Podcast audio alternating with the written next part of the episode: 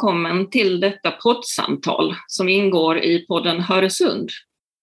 Tema för det här avsnittet av Höresund är Corona i språket i Öresundsregionen.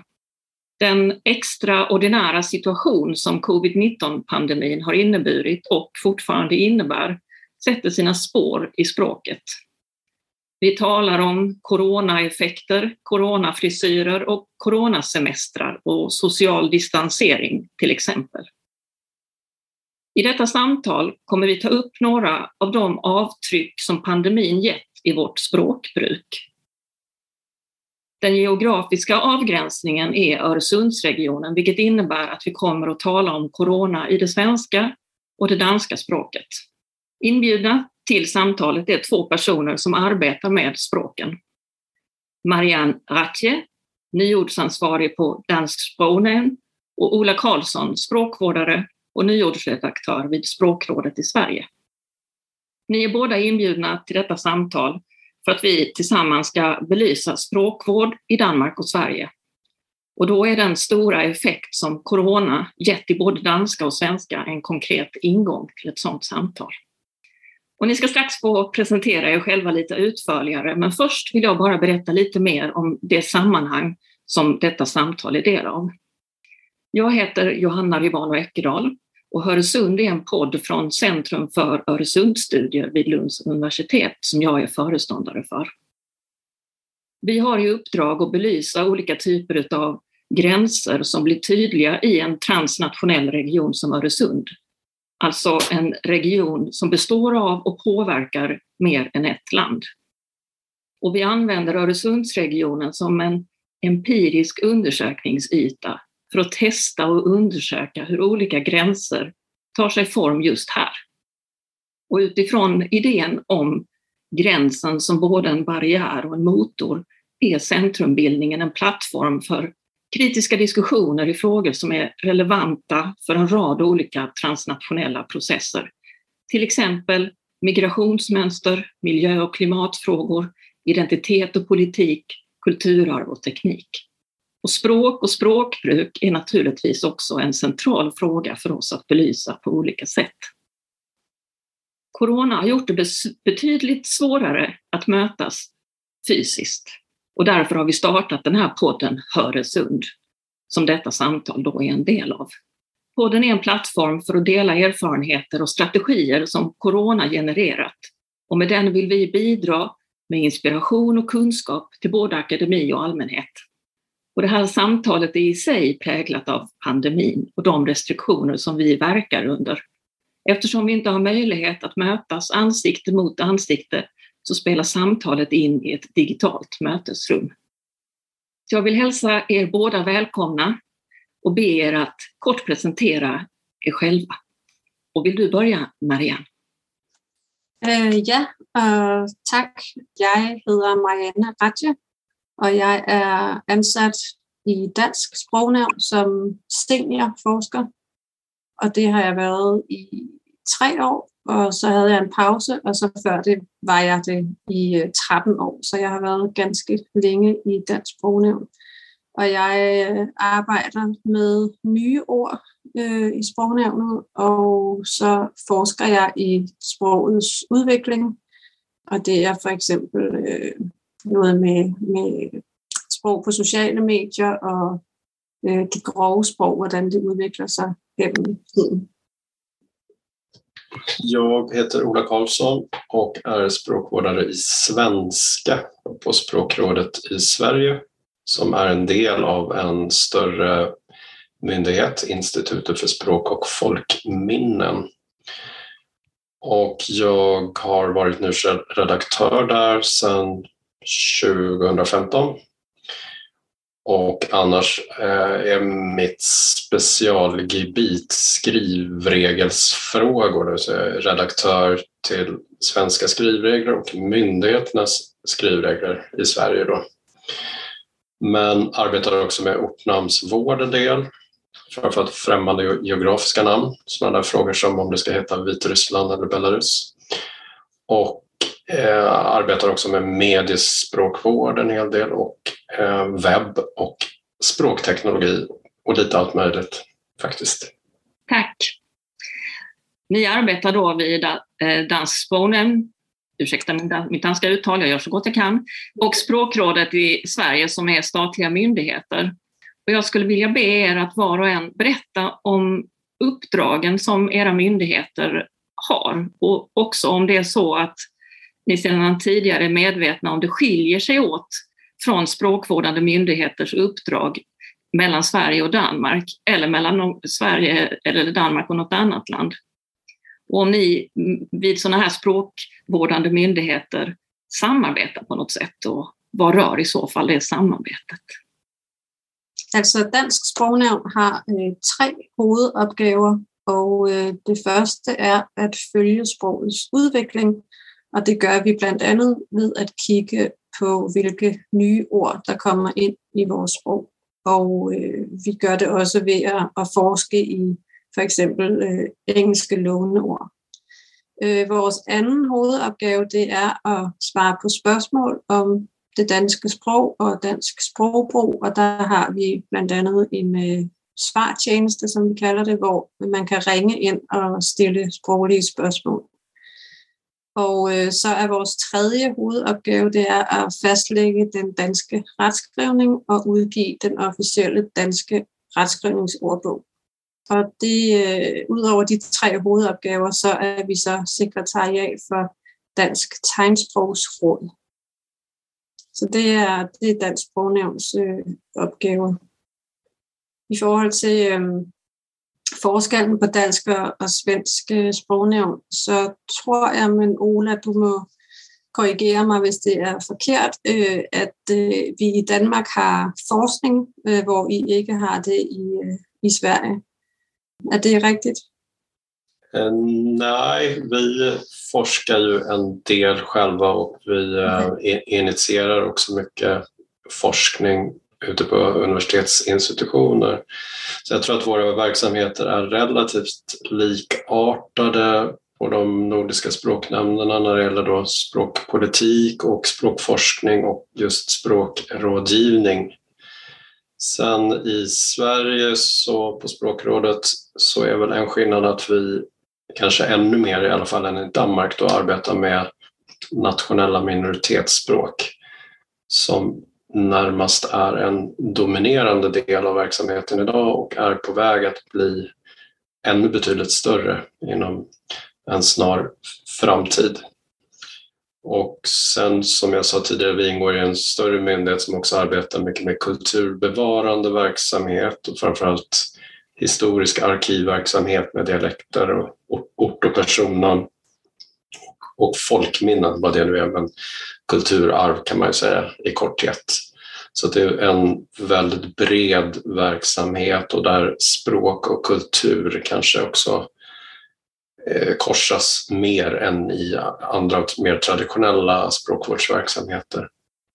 Ja, det är riktigt. Det med, med minoritetsspråken, dem, dem har Dansk Sprognævn ikke det samme fokus på. Jeg har også indtryk af, efter at have læst en af dine rigtig gode artikler, Ola, at det svenske sprognævn er, er mere normerende i, øh, i forhold til nye ord, øh, og at øh, vi i Danmark måske mere bare følger, hvad, hvad der bliver brugt af, af nye ord, så, øh, så har I også en, en opdragende funktion med jeres nye, nye ordsliste. Ja, lite mer är det väl så att vi anlägger mer av språkvårdsperspektiv till exempel i hanteringen av engelska lånord. Men också när det gäller kanske faktiskt urvalet av ord.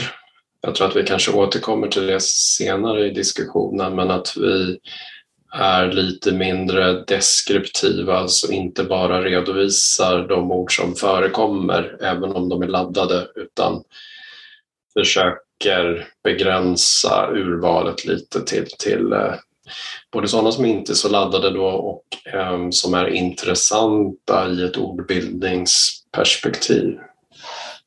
Ja, och där följer vi mer bara vad som sker och, och tänker inte så mycket på, på reaktionen, men kanske också för att ni har mycket mer äh, øh, mediebevågenhet. Förstår man mediebevågenhet på svenska? Alltså mycket mer Ja, ja. Øhm, fordi øh, det, har, det har vi ikke på samme måde øh, med, med de danske nyordslister. Innan vi kommer in mer konkret på just nyordslistorna och hur ni arbetar med det på olika sätt så är det en fråga som ni ännu inte riktigt svarade, för jag ställde ju flera frågor här till er. Och det är om ni Eh, samarbeta mellan myndigheterna på något sätt. Jag tänker att, att ni känner ju till varandra och så, men finns det något formellt samarbete mellan myndigheterna?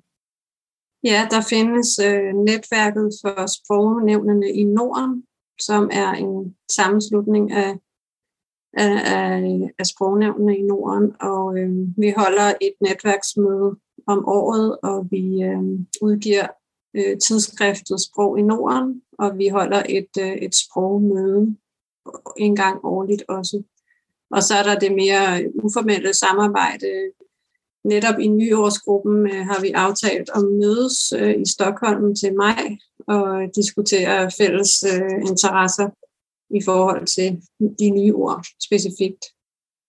Det är ju lite av ett undantag annars kanske att vi samarbetar så nära som vi i alla fall eh, har planer på att göra i nyordsverksamheten.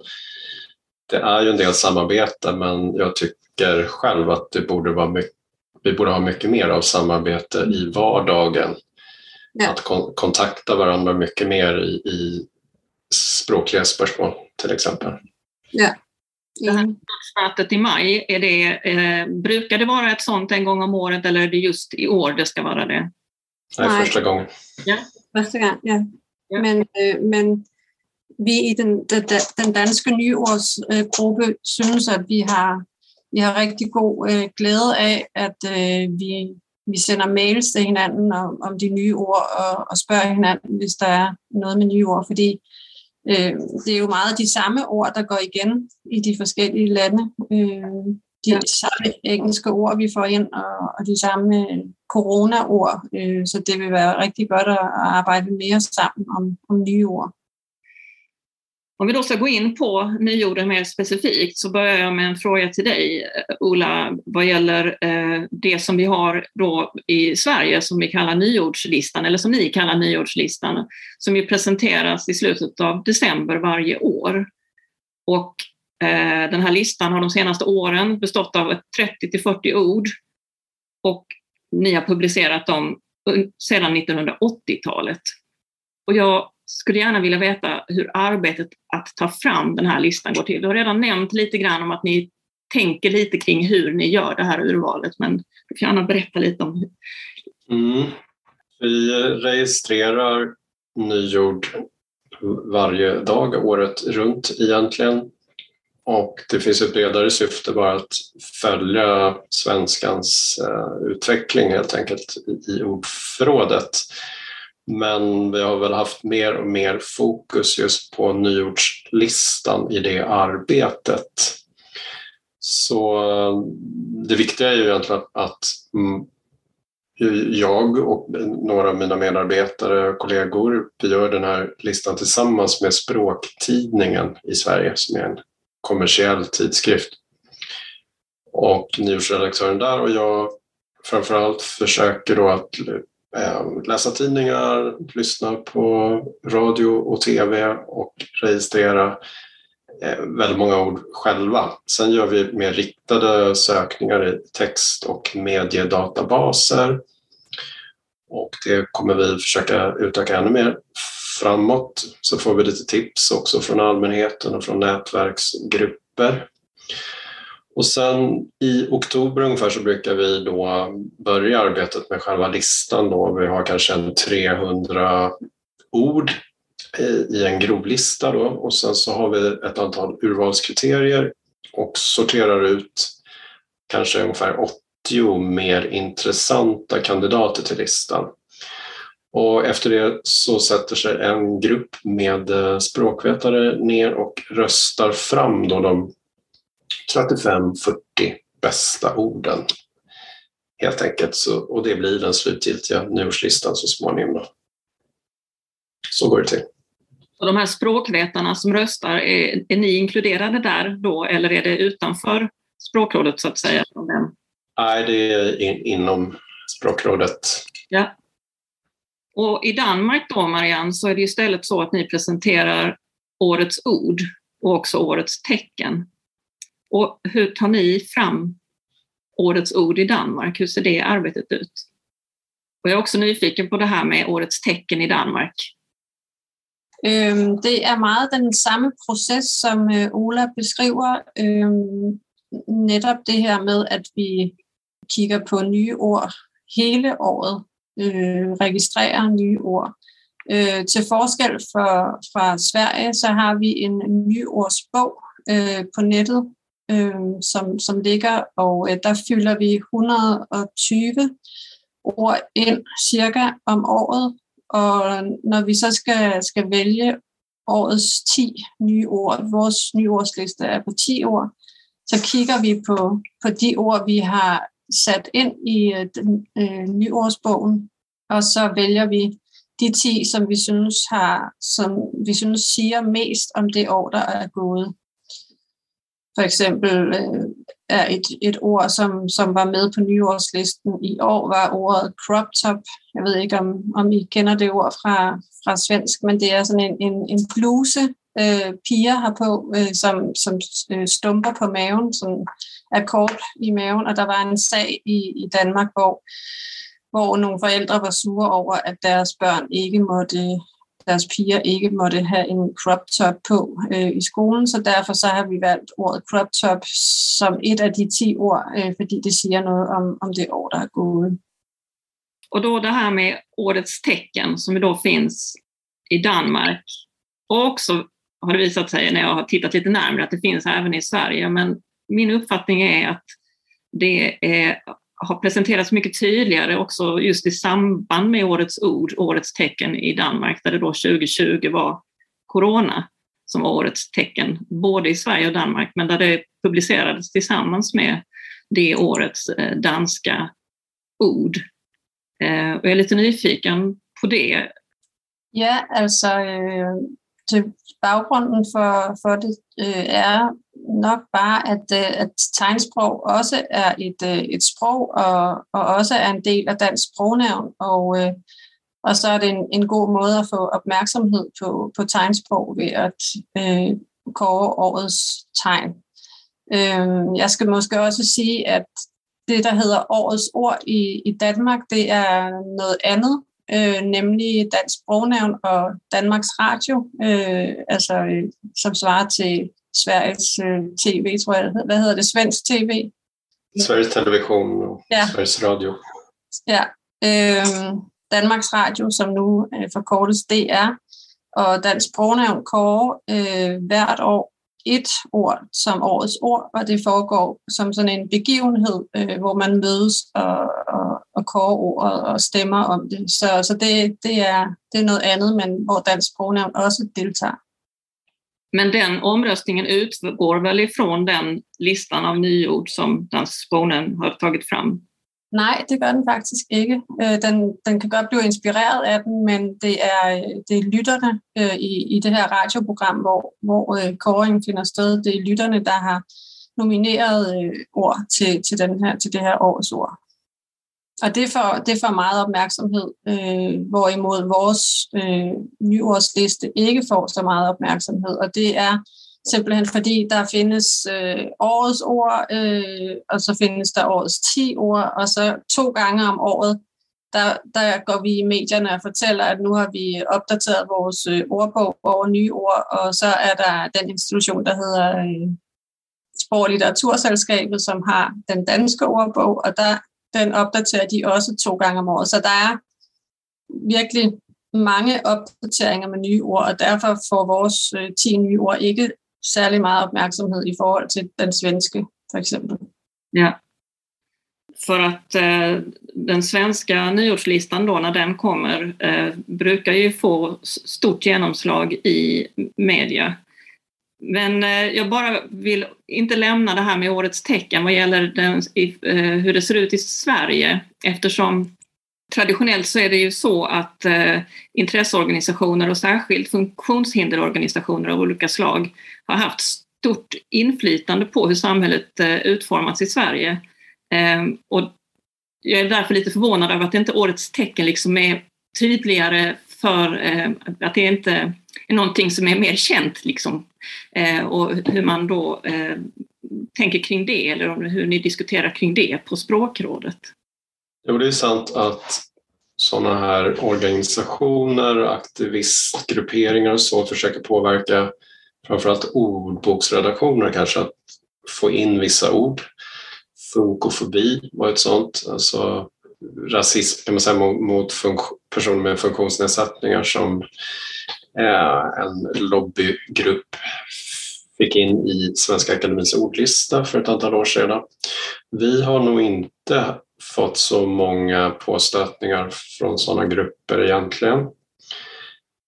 Sen när det gäller eh, Årets tecken så är det en helt ny verksamhet. Det var första gången eh, teckenspråkvårdarna på Språkrådet gick ut med det här i eh, förra våren för att testa det.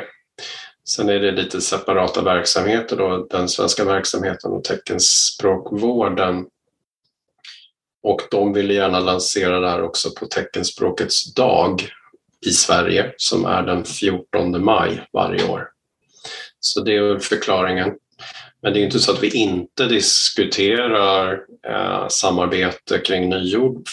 2019 så hade vi ju medvetet valt Syssna, ett, ett teckenspråksord, på vår nyårslista då. Alltså Syssna som ett teleskopord som det heter för att se och lyssna samtidigt.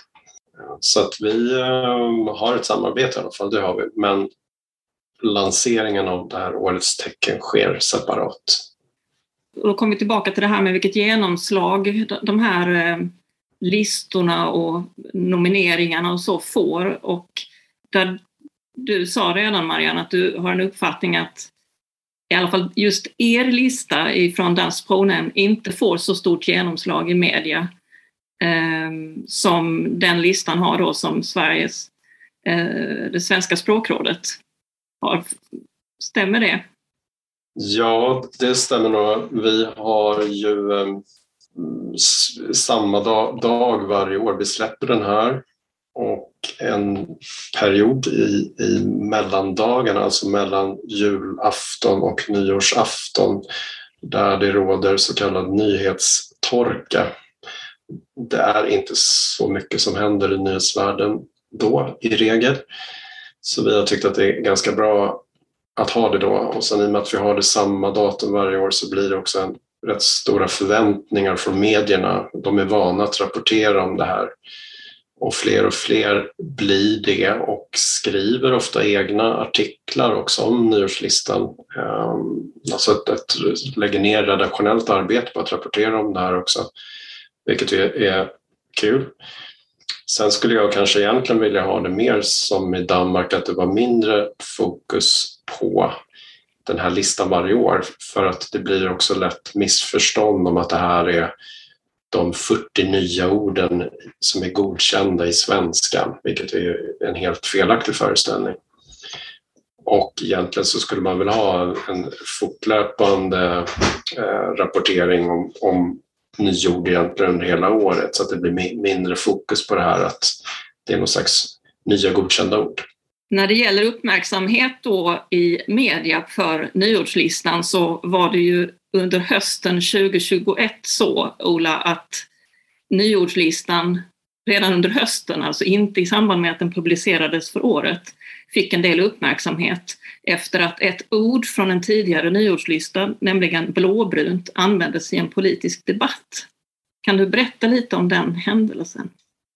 Vi hade med det där ordet 2014 för politiska koalitioner mellan traditionella högerpartier och främlingsfientliga högerpopulistiska partier och det hade använts så i svenska medietexter om utländska förhållanden framförallt i Europa. Och det var inte särskilt laddat då. Ingen eh, reagerade heller på det här ordet när det fanns med då i nyårslistan 2014. Men sen dök det här upp då i en politisk debatt mellan så, eh, Sverigedemokraternas partiledare Jimmy Åkesson och Miljöpartiets språkrör Per Bolund. Och helt plötsligt blev det laddat, eller Jimmy Åkesson valde väl att göra det eh, medvetet retoriskt laddat.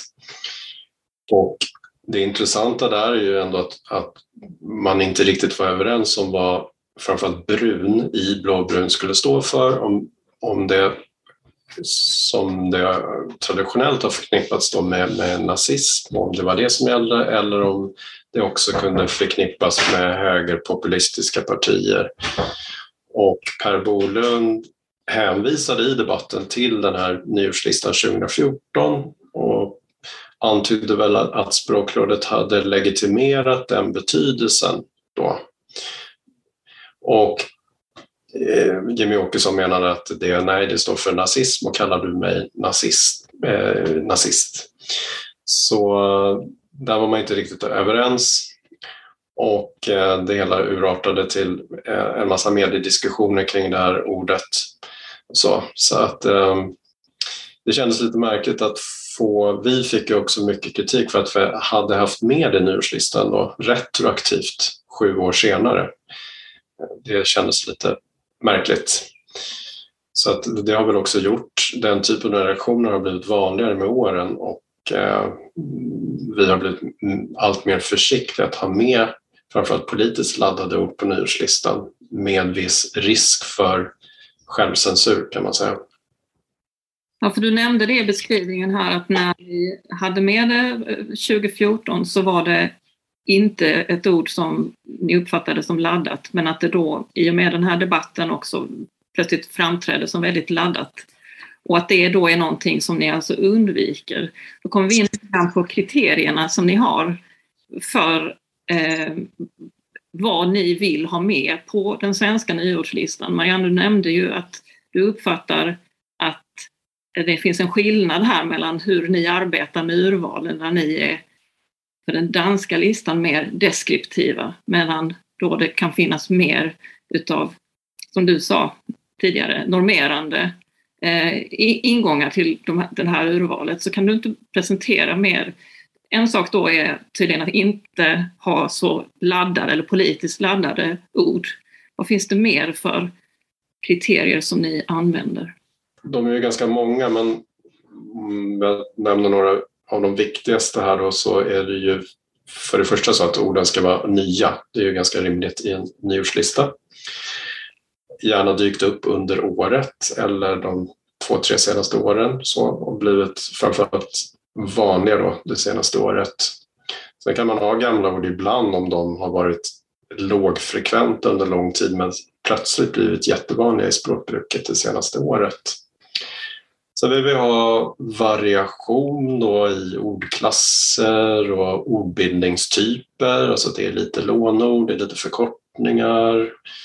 Eh, det är gärna kanske något adjektiv eller verb, någon fras inte bara substantiv som dominerar ju annars. Och ord från lite olika sakområden, då, att det är liksom IT, teknik, miljö, klimat, politik och så vidare. Så att det blir en blandning.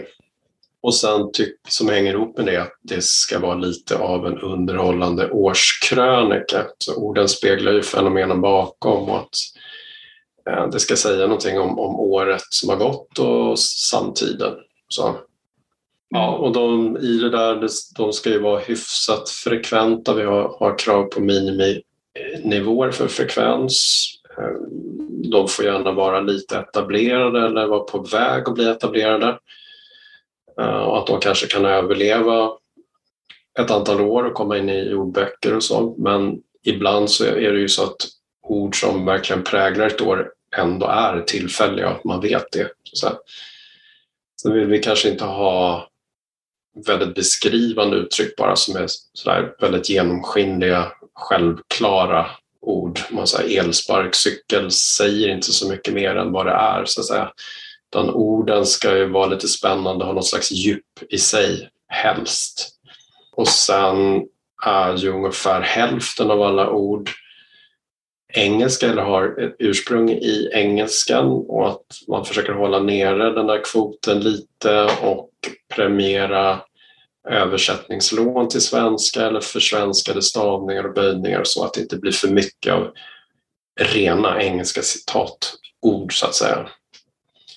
Och sen just det där med känsliga och nedsättande ord som är en intressant diskussion. Det är svårt att veta var gränsen ska gå där. Framförallt kränkande och nedsättande ord det ska man ju undvika kanske, men det där med bara laddade ord, där finns det en diskussion om hur mycket man ska ha med. Men det är speciellt med den här nyårslistan som får sån medial exponering, att, att alla ord diskuteras jättemycket i Sverige och då, då, blir det ofta känsligt. Samma ord kan ju finnas med i de stora ordböckerna och inte vara särskilt omdiskuterade där, så att säga.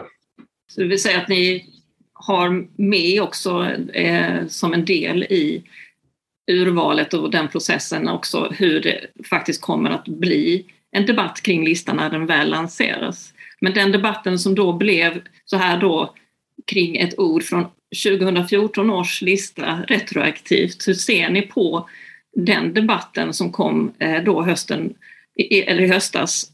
Välkomnade ni den för att ni fick ett tillfälle att diskutera språkbruk och er uppgift? Eller är det istället så att ni såg att den liksom eh, blev en, ett hinder eller ett, någonting som står i vägen för er verksamhet beroende på den kritik som ni fick? Hur har ni liksom, mm. här i efterhand, hur, hur kan se på den? Det är väl lite både och. Det är klart att den här mediala exponeringen ger ju ändå en unik möjlighet att väcka diskussioner om språk och också i de breda folklagren hos människor som kanske annars inte stöter på så mycket diskussioner om språk. Sen är det klart att, att det är, är lite besvärligt med, med de missförstånd som följer med och sådana här infekterade debatter, att det, det förtar ju lite det positiva också när man ska förmedla sånt här. Um, så att vi behöver väl gå ut tydligare och förklara hur vi arbetar och, och mm, att det är orden som står i fokus och inte fenomenen bakom. Mycket av de här negativa reaktionerna som kommer handlar ju om att vilket är helt för, förståeligt, att människor ofta har svårt att skilja på orden och fenomenen som orden står för. Att ofta är det ju fenomenen bakom som är känsliga och laddade. Mm. Finns det något exempel, Marianne, från någon liknande debatt kring antingen då ett årets ord eller årets tecken eller årets nyordslista i Danmark? Nej, det synes jeg ikke. Øh, vi får kritik for øh, nogle gange, at der er for mange engelske ord. Og vi får også kritik for, hvis ordet ikke er helt nyt. Det kan være et ord som selv, selvtest, øh, som jeg ved ikke, om vi har det på, på svensk, men hvor, altså, hvor man tester sig selv for, for corona. Øh, det er et, år, øh, et ord, som øh, er fra 60-tallet. Øh, men vi har det med, fordi det er blevet meget mere frekvent i, i det sidste år. Men øh, den danske ordbog, som ikke er sprognævnets, men er det danske sprog- og litteraturselskab, havde for nogle år siden et ord, øh, nemlig grønlænderstiv, øh, som betyder, at man er fuld som en grønlænder. Øh, og det kom der meget debat og kritik om, fordi det, øh, det reproducerer nogle, øh, nogle stereotypiske øh, forestillinger om, at øh, hvordan grønlænder i Danmark er. Men, men, men sprognævnet har ikke øh, indtil videre haft den samme debat om, om et ord. Nej. Vågar ni er på att göra liksom en uppfattning om det skiljer sig åt mellan Danmark och Sverige, vilken uppmärksamhet som språket har i det offentliga samtalet generellt? Nej, jeg tror, det er det samme. Altså i, i Danmark har, har sproget generelt også stor opmærksomhed. Øh, vi har i 2021 været i øh, givet interviews øh, 140 gange, øh, så, så der er stor opmærksomhed på, på sprog, øh, men vi har bare ikke øh, været ude for, for, for den her øh, kritik og, og debat. Jag skulle nog säga att i Sverige generellt är människor inte kanske så intresserade av språkfrågor med undantag för eh, vissa centrala språkfrågor som återkommer ofta i mediediskussioner, politiska diskussioner och en sån sak som, som har debatterats nu det är det här med krav på att invandrare ska lära sig svenska. Vi har haft en diskussion om Eh, språkkrav för medborgarskap. Men också det här som Marianne nämnde tidigare om att det inte får vara för mycket engelska. Eh, många älskar engelska, framförallt yngre tror jag, i Sverige som eh, helst bara pratar engelska men i framförallt kanske den äldre generationen så är det många som har svårt för det här med engelska låneord och det är också en negativ reaktion vi får ibland på nyordslistan när den innehåller engelska ord. Mm. Jag skulle vilja knyta tillbaka till eh, uppdragen som era båda myndigheter har. Skulle ni säga att det i första hand är ett bevakande uppdrag eller är det ett utvecklande och framåtriktat uppdrag som myndigheterna har? Jag kan ju tala för eh, i alla fall min myndighet, då Institutet för språk och folkminnen som ju då till stor del arbetar just med det kulturbevarande. Så att, eh, men det gäller framförallt dialekter och namn. Sen är det klart att det är bevakande eh, i övrigt också när det gäller nyorden på det sättet att man följer svenskans utveckling förstås eh, och utveckling i ordbildningsmönster och så. Och mm, det kanske inte är ett framåtblickande arbete men det är i alla fall också tycker jag ett, ett pedagogiskt och folkbildande arbete då, där vi vill peka på språklig kreativitet med nyord och på sånt som språk och makt, att det är allas ansvar att bilda nya ord, att orden faktiskt skapas underifrån. Det är vanliga människor som hittar på nyord, det är inte språkvårdare som gör det. Det är sånt vi försöker förklara, men behöver förklara ännu bättre tror jag. Det er, det er helt det samme i, i Dansk Sprognævn, at vi øh, går meget deskriptivt til værks, og vi øh, følger sprogets udvikling, og på den måde er vi selvfølgelig også øh, bevarende. Øh, vi normerer kun i forhold til stavning af ord øh, med vores retskrivningsordbog. Vi, øh, vi, vi giver gode råd øh, sprogligt set, men vi er ikke ude og foreslå nye ord. Det har vi gjort nogle gange, e-post i stedet for e-mail, og det, øh, det gik slet ikke, det ville danskerne ikke have. Øh, så, så vi er ikke ude og, og foreslå, øh, foreslå nye ord. Vi, vi holder os til at, og, øh, at følge med i, i sprogets udvikling. Ja. De två senaste åren då så har ju det varit väldigt tydliga coronaeffekter i både danska och svenska. Både 2020 och 2021 års nyordslistor varit anmärkningsvärt präglade av och dominerade av corona i Sverige. Och det är ju även en dominans vad gäller nyorden på den danska listan. Och när det gäller då, om jag återkommer till den här utnämningen, även om inte det är Dansk språknämnd som står för det, men årets ord i, eh, som det blev utsett till i, eh, framröstat då med det här radioprogrammet i Danmark var Samfundsin 2020 och i år blev det coronapass. Så det är en väldigt tydlig coronaeffekt i den här publika delen utav arbetet vid de olika myndigheterna. Och nu är vi liksom två år in, eller på det tredje året i den här pandemin. Hur märker ni nu av corona i språket? Är det annorlunda nu vilka effekterna är jämfört med precis i början av pandemin eller är det liksom detsamma? Kan ni se några tendenser? Eller, ja. Ja, i, i starten var, var vi ju helt överväldigade av, av alla de nya ord, der, der, der, der kom med corona, øh, fordi det var ett nytt fenomen och därför var det många ting, der skulle ha ett øh, et ord. Øh, men i starten var det nog mycket øh, sammensætninger med corona, som coronaturister, coronahår og, og den slags, øh, hvor vi nu, hvor man kan se, at, at corona-ordene har, har, følger nogle stadier. Hver gang der kommer et nyt fænomen, så, så kommer der et nyt ord. Øh, og nu er vi i, i, øh, i, den, i det stadie af, af coronakrisen, hvor hvor vi har ord som anti-waxer og reboarding, altså hvor man kommer tilbage på arbejdspladsen, og, og ikke så meget de her øh, ord, vi startede med, med værnemidler, som er, er masker, og som, som lige pludselig var, var, var nyt, selvom det var et gammelt ord. Ja, jag kan bara instämma i det Marianne säger. Att det är framförallt väldigt mycket fokus på vaccin och nya sammansättningar med vaccin och vaccination. Till skillnad från hur det var för ett eller två år sedan. Och just ord som präglar återgången till någonting mer normalt och återgången till arbetsplatser och så med som, som hybridarbete och hybridmöte som vi hade på vår lista. Jag såg till exempel att um, Oxford Dictionary, som är kanske då deras nyårslista, den internationellt mest kända skulle jag säga.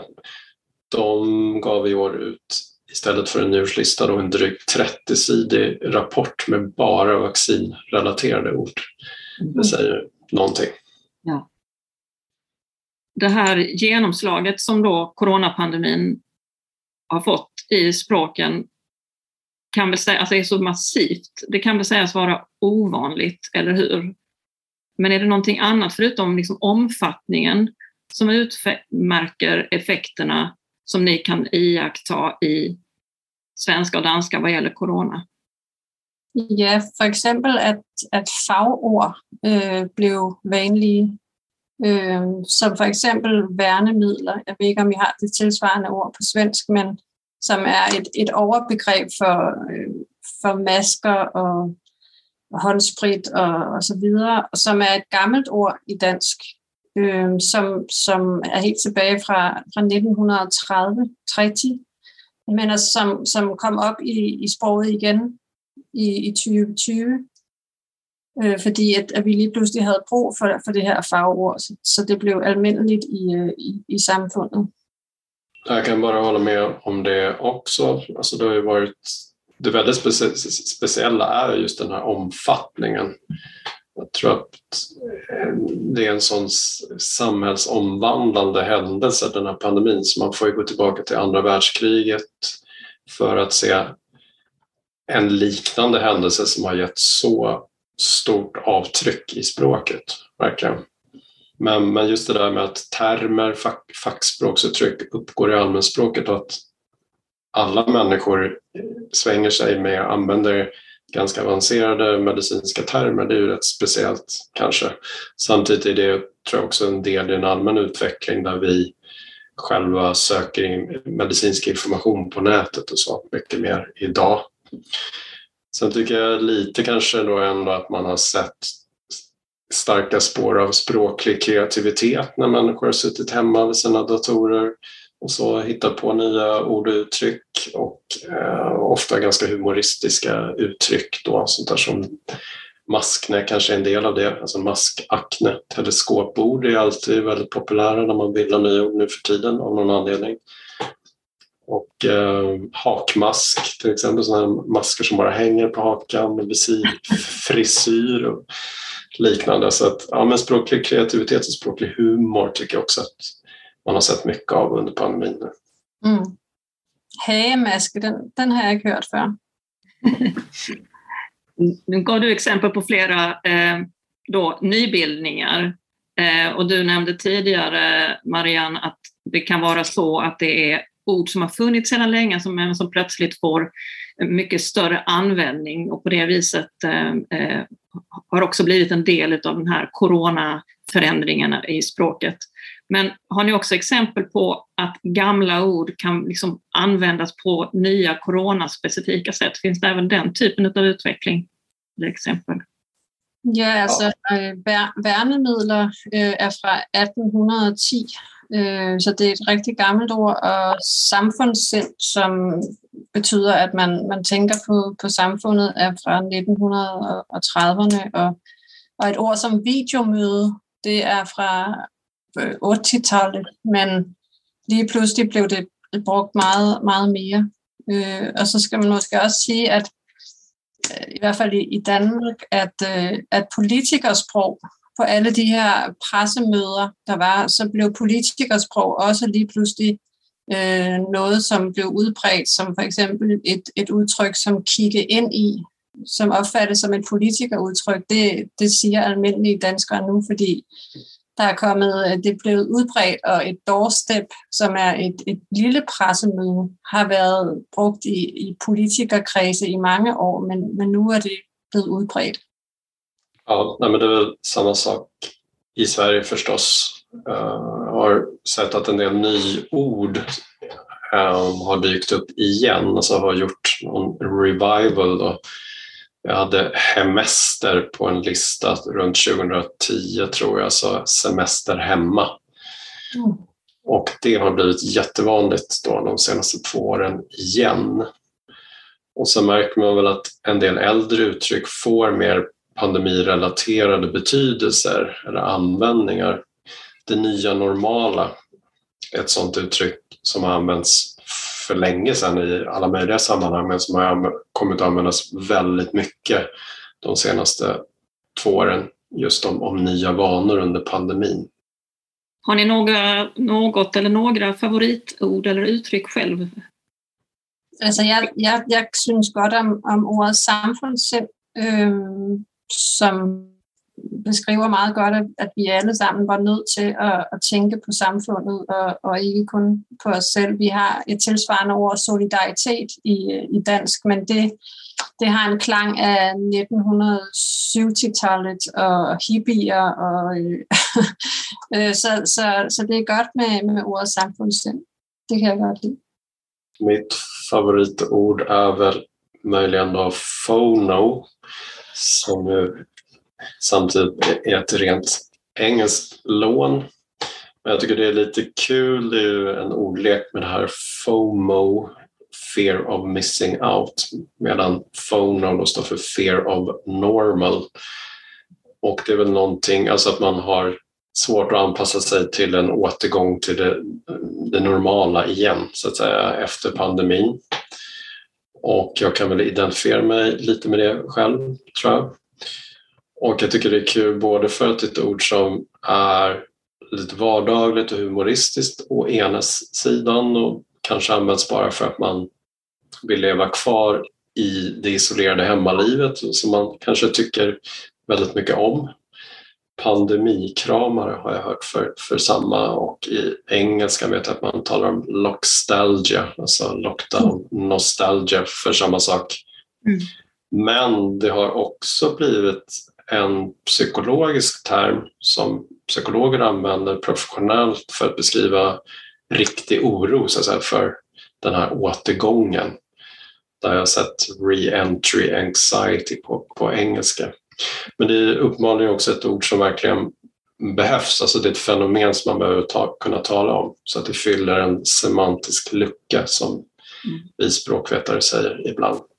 Det er nogle gode udtryk, som jeg aldrig har hørt før. Jeg synes ikke, vi har et, øh, et lignende udtryk på dansk. Men det är en fejl. Det kommer kanske. Eh, vad tror ni om de här eh, coronaorden? Kommer de att ha längre hållbarhet än andra nyord eller eftersom pandemin är så långdragen eller tror ni att vi kommer vilja lämna dem bakom oss ganska snabbt?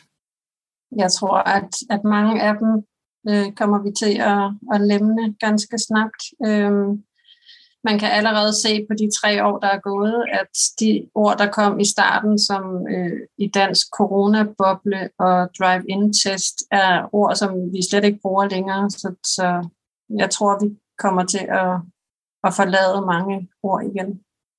Mm. Jag tror också att de allra flesta kommer att försvinna så fort pandemin försvinner.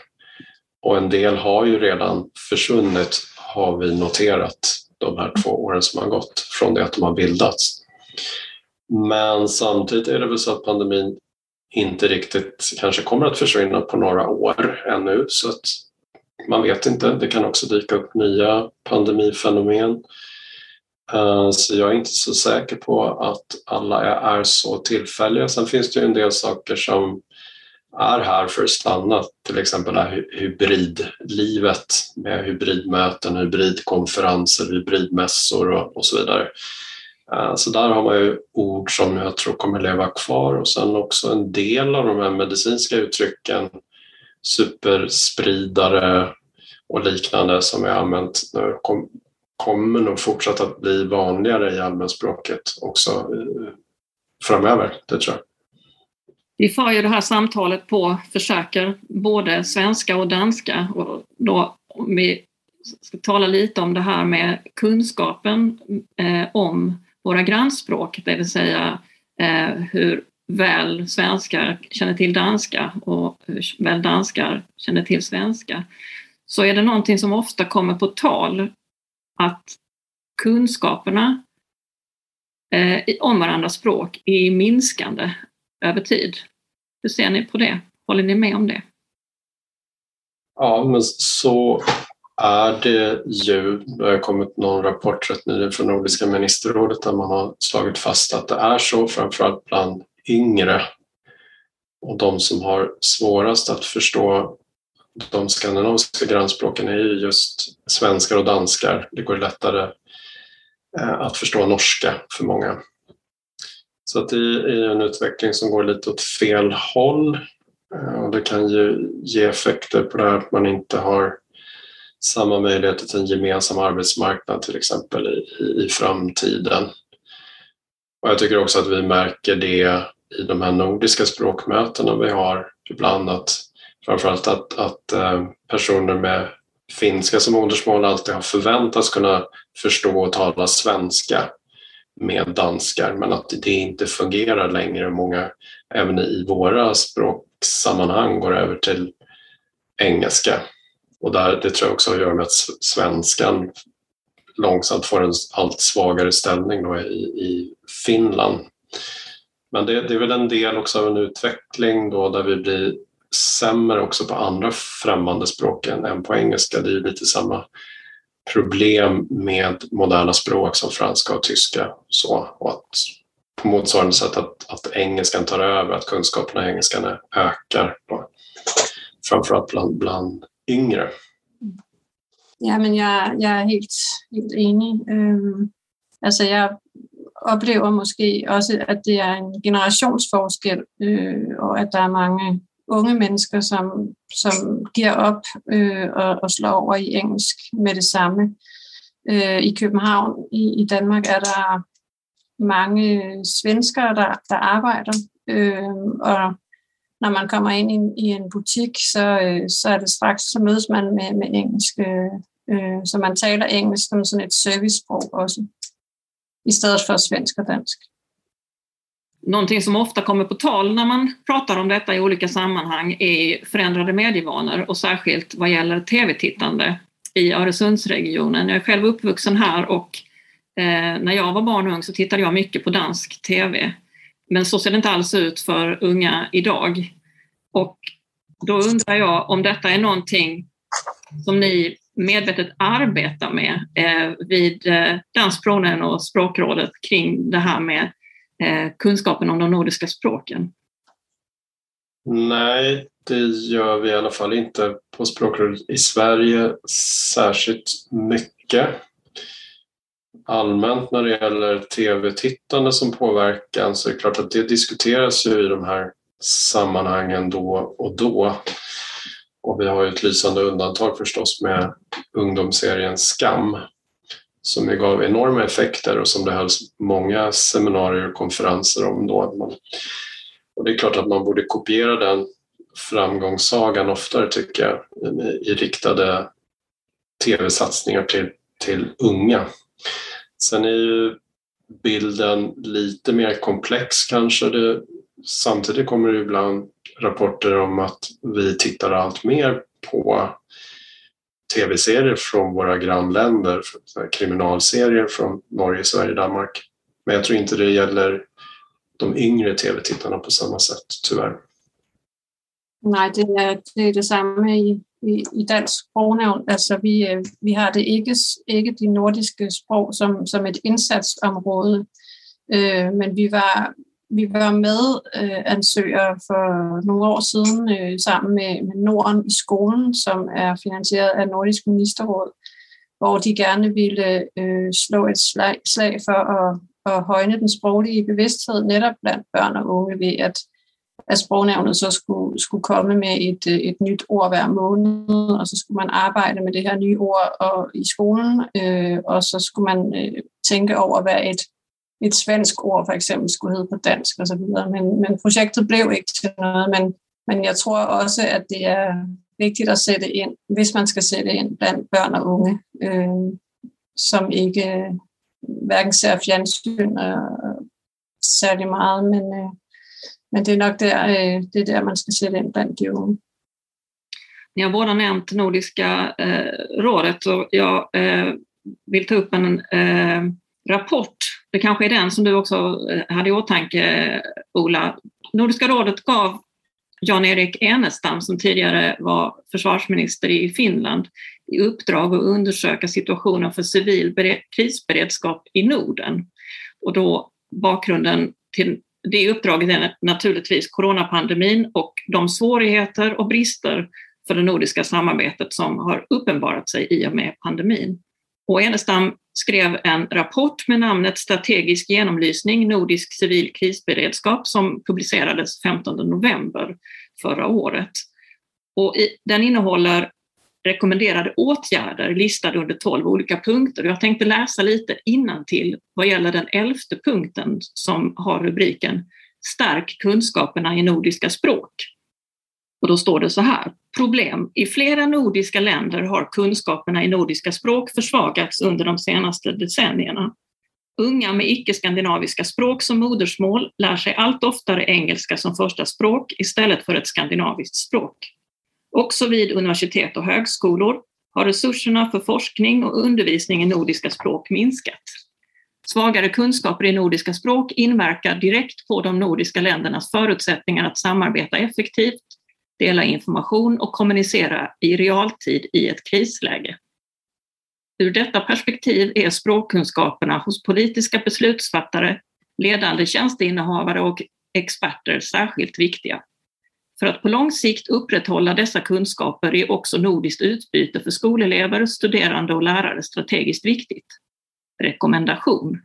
De nordiska länderna bör stärka undervisningen och forskningen i nordiska språk på alla nivåer i utbildningssystemet och aktivt delta i nordiskt utbyte för ledande tjänsteinnehavare och experter samt för skolelever, studerande och lärare, står det på sidan 23 i Enestams rapport.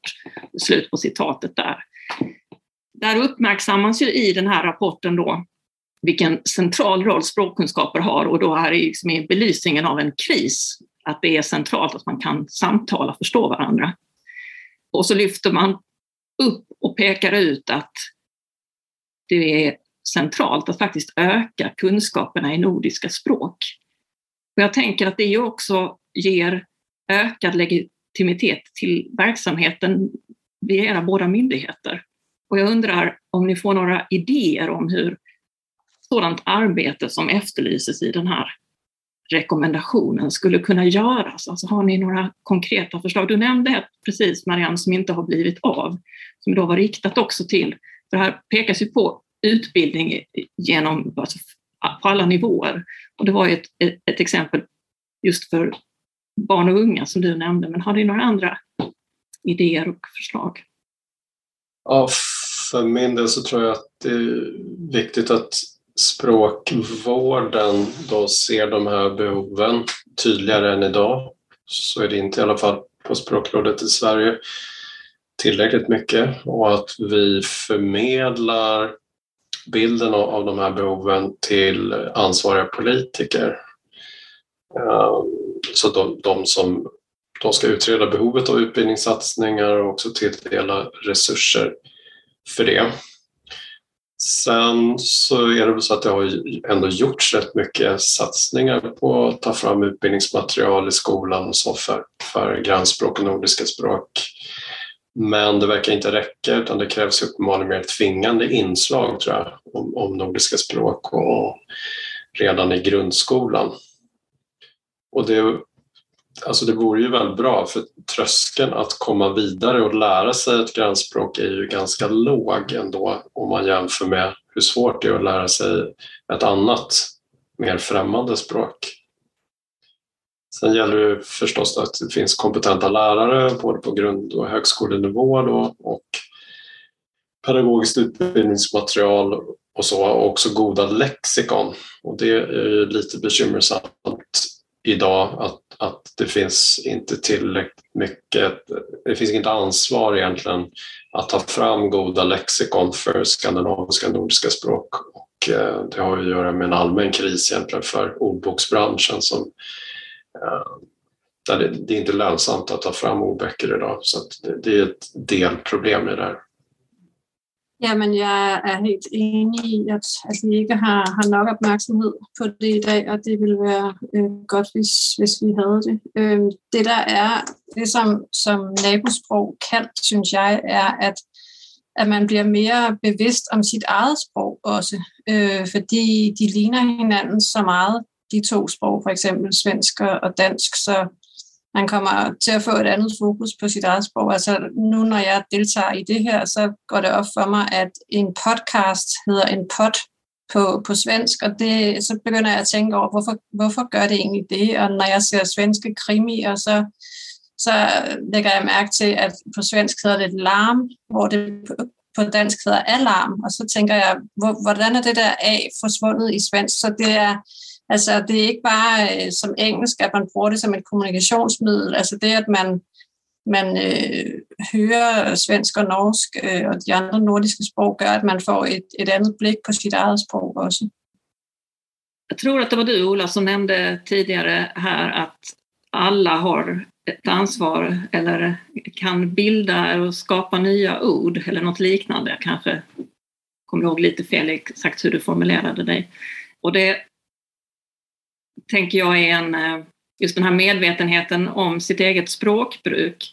Ehm, jag undrar om ni har någon kommentar eller reflektioner kring hur vi på olika sätt kan verka för en gynnsam utveckling av språket. Och jag tänker att en sån sak är just att, att var, ha en sådan medvetenhet om språket vi använder och hur vi använder det. Har ni några avslutande kommentarer eller reflektioner kring det här, hur vi kan verka för en gynnsam utveckling av våra språk. Jamen altså, når, når det gælder det, det nordiske, så, så er det jo bare vigtigt, at vi, at vi samarbejder, øh, eh, og det er vi jo godt i gang med, i hvert fald på, på nyårsområdet, men, men vi, vi savner noget mere samarbejde, som Ola også sagde, så, øh, så det kunne være rigtig för att få, få samarbeta någon mer. Mm. Ja, men det stämmer. Men om jag tolkar dig rätt att du kanske ville, eh, Johanna, att du ville lyfta det till frågan till en lite högre nivå så ja, men det ena som du tog upp där tycker jag är väldigt centralt och det märker man ju tydligt då i reaktionerna på nyårslistan just att det gäller att förstå människor, att få människor att förstå att alla äger språket och att ordböcker och nyårslistor speglar de ord som redan används. Inte att det är ordböcker till exempel som styr vilka ord som bör användas eller som är godkända. Och just det där är någonting som väldigt många människor tror. De tror att språk fungerar så. Eh, så det är få människor som vet egentligen hur språk fungerar och hur språkvård fungerar. Eh, så det känns väldigt angeläget för vår del för att försöka förändra de där föreställningarna. Då skulle vi vinna väldigt mycket och människor skulle känna ett större ansvar för sitt språk. Eh, det andra som vi i alla fall arbetar med hela tiden nu och som, som vi tycker är väldigt centralt är att satsa på en infrastruktur, alltså tillgång till språk för alla. Att ha stora starka ordboksresurser och gärna i Sverige i alla fall diskuterar nu att, att arbeta fram en nationell språkportal för sådana resurser. Där vi nog tycker att det som finns i Danmark med språket.dk som är just en sån här stor språkportal med pedagogiska texter också, att det är lite av ett föredöme för oss. Så gärna något liknande i Sverige. Är det en dröm eller är det på gång? Det är väl långsamt på gång, men än så länge lite för mycket dröm. Mm. Ja, det ser vi fram emot att se hur den blir allt mer verklighet. Allra sist vill jag säga att vi då på KORS, Centrum för Öresundsstudier, medvetet försöker få personer som talar både svenska och danska att medverka i våra olika aktiviteter, som till exempel det här poddsamtalet. För om vi inte möter varandras språk så kommer vi inte att utveckla våra kunskaper om dem. Och då har vi kommit till slutet av det här samtalet. Jag vill rikta ett stort och varmt tack till er båda för att ni har medverkat. Tack så hemskt mycket Marianne och Ola. Själv tack. Tack själv.